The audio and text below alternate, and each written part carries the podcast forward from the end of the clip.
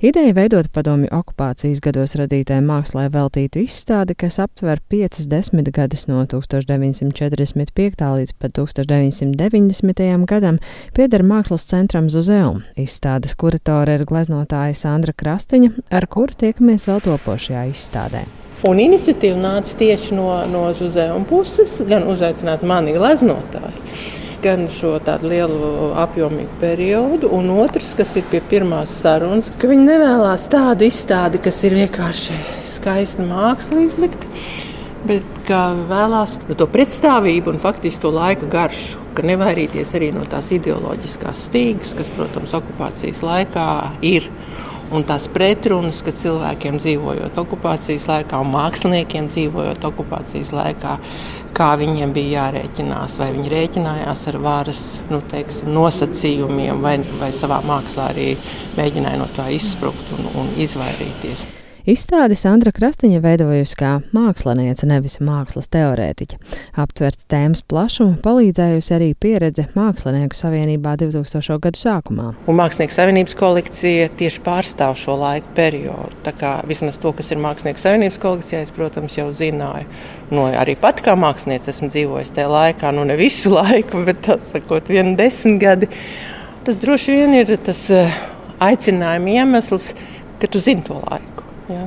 Es viņu zinu dažādi. Es zinu no tā brīža, kā es strādāju Mākslinieku savienības un skatījos Mākslinieku savienības kolekciju, bet es zinu arī tādā veidā, ka es jau kā Rozentā skolas skolniecīte regulāri gāju uz izstādēm. Jo man tas bija gan jādara, gan interesēja. Tātad es jau no 70. gadu sākuma daudzus šos darbus, kas šeit izstādē parādās, faktiski zinu, kurā vietā viņi pirmoreiz bija izstādīti. Un to ceļu es arī veidoju. Es neesmu mākslinieks teorētiķis. To ceļu es veidoju tieši caur tādu mākslinieku pozīciju. Jo šodien jau mēs visi gudri. Vajadzēja darīt tā, vajadzēja nedarīt tā.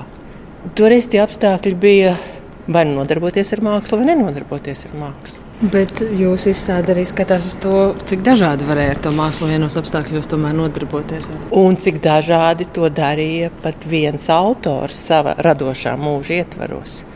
Jo rēķinam, ka tas padomu laiks nebija kā vienots, viss vienots bloks. Ir pēckarš, 45. gads, Staļina laiks, mm. kad ir represijas izsūtīšana, cilvēki ir projām, turpat ir bijušas nāves. Un tad māksliniekiem strādāt tiem māksliniekiem, kas ir dzīvojuši pirms kara.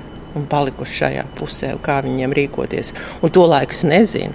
Un tad ir Hruščovs laiks, tas ir atmodas tā laika, 60. gadu atmodas laiks, kad sāka likties arī padomu cilvēkam, ka tas dzelzs mūris pavērsies un ka varbūt kaut cik normālāka dzīve sāksies. Un tad jau sprāga, tad jau uzsprāga tas modernisms. Visās frontēs, mākslas, visās jomās. Un arī lielā valstiskā politika mainījās no kara industrijas, kāda bija pēckarā, uz tādu kā civilo industriju. Un tad uzplauka, piemēram, trauki, Rīgas porcelāns. Jo tā jau bija tomēr ideoloģiskā pozīcija vērsties, lai cilvēkiem viņu sadzīvē, kas ienāktu.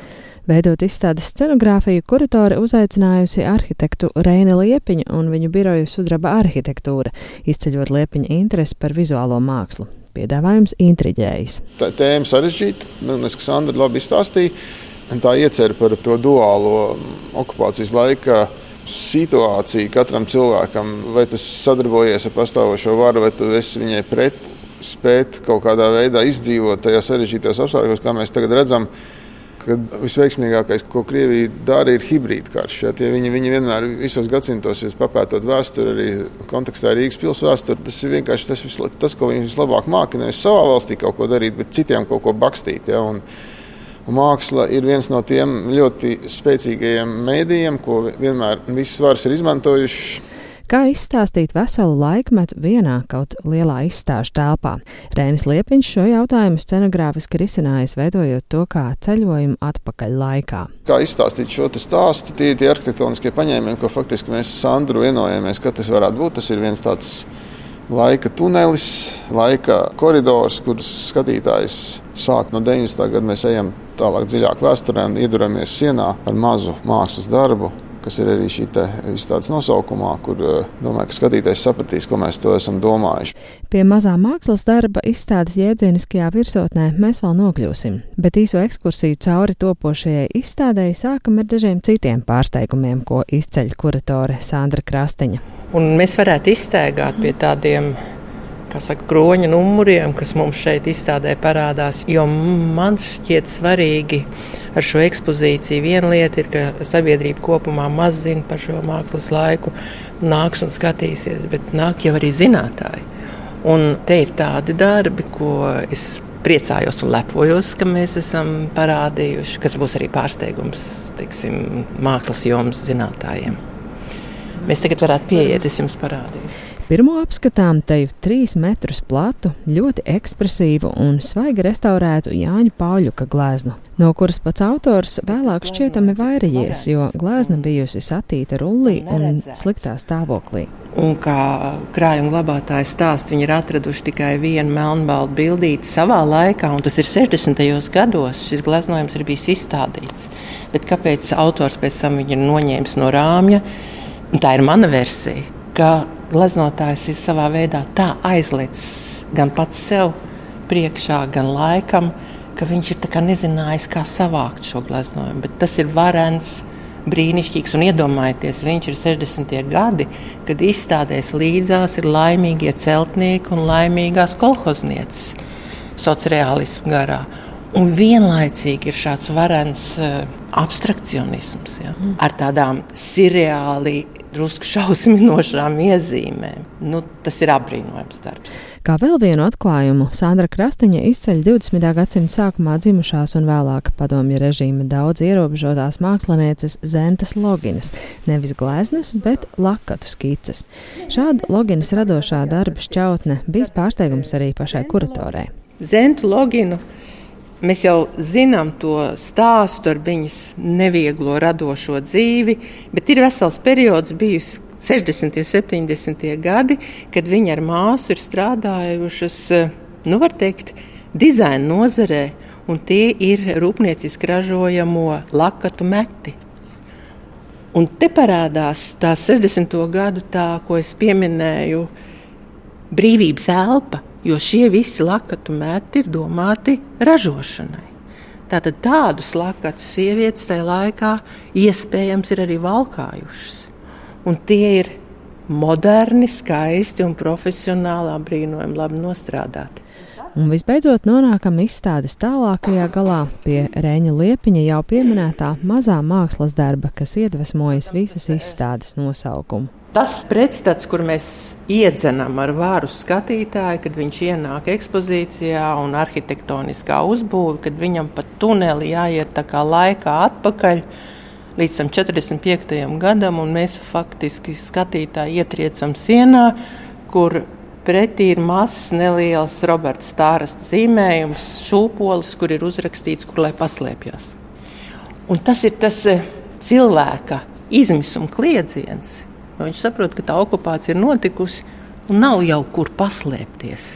Un pretī mēs noliekam veselu sienu ar to ideoloģiski grezno Staļina baroka stilistikā gleznotos un, un gan plakātus, gan audeklus, kas ir piepildīti ar laimīgiem padomu cilvēkiem, kas cels to lielo laimīgo padomu dzīvi, cels būvēs, karogus vicinās.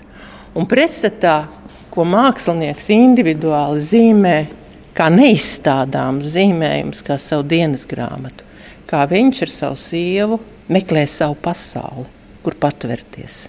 Krastiņas pieminētajā Staļina baroka sadaļā redzams arī agrīnas džemas skulmes darbs, kas kontrastē ar mākslinieces vēlāko daļradi, radot arī viena mākslinieka izaugsme ārējas nebrības apstākļos. To, kādu ceļu katrs izvēlās, arī mēs uzreiz varam apstāties pie džemas skulmes gleznojuma, kas ir 50. gadi, un viņa ir nu pat beigusi mākslas akadēmiju, un tas ir perfekti uzgleznot tāda klusā daba tai sociālismu manierē un klusajā dabā ir lelīte tautstērpa.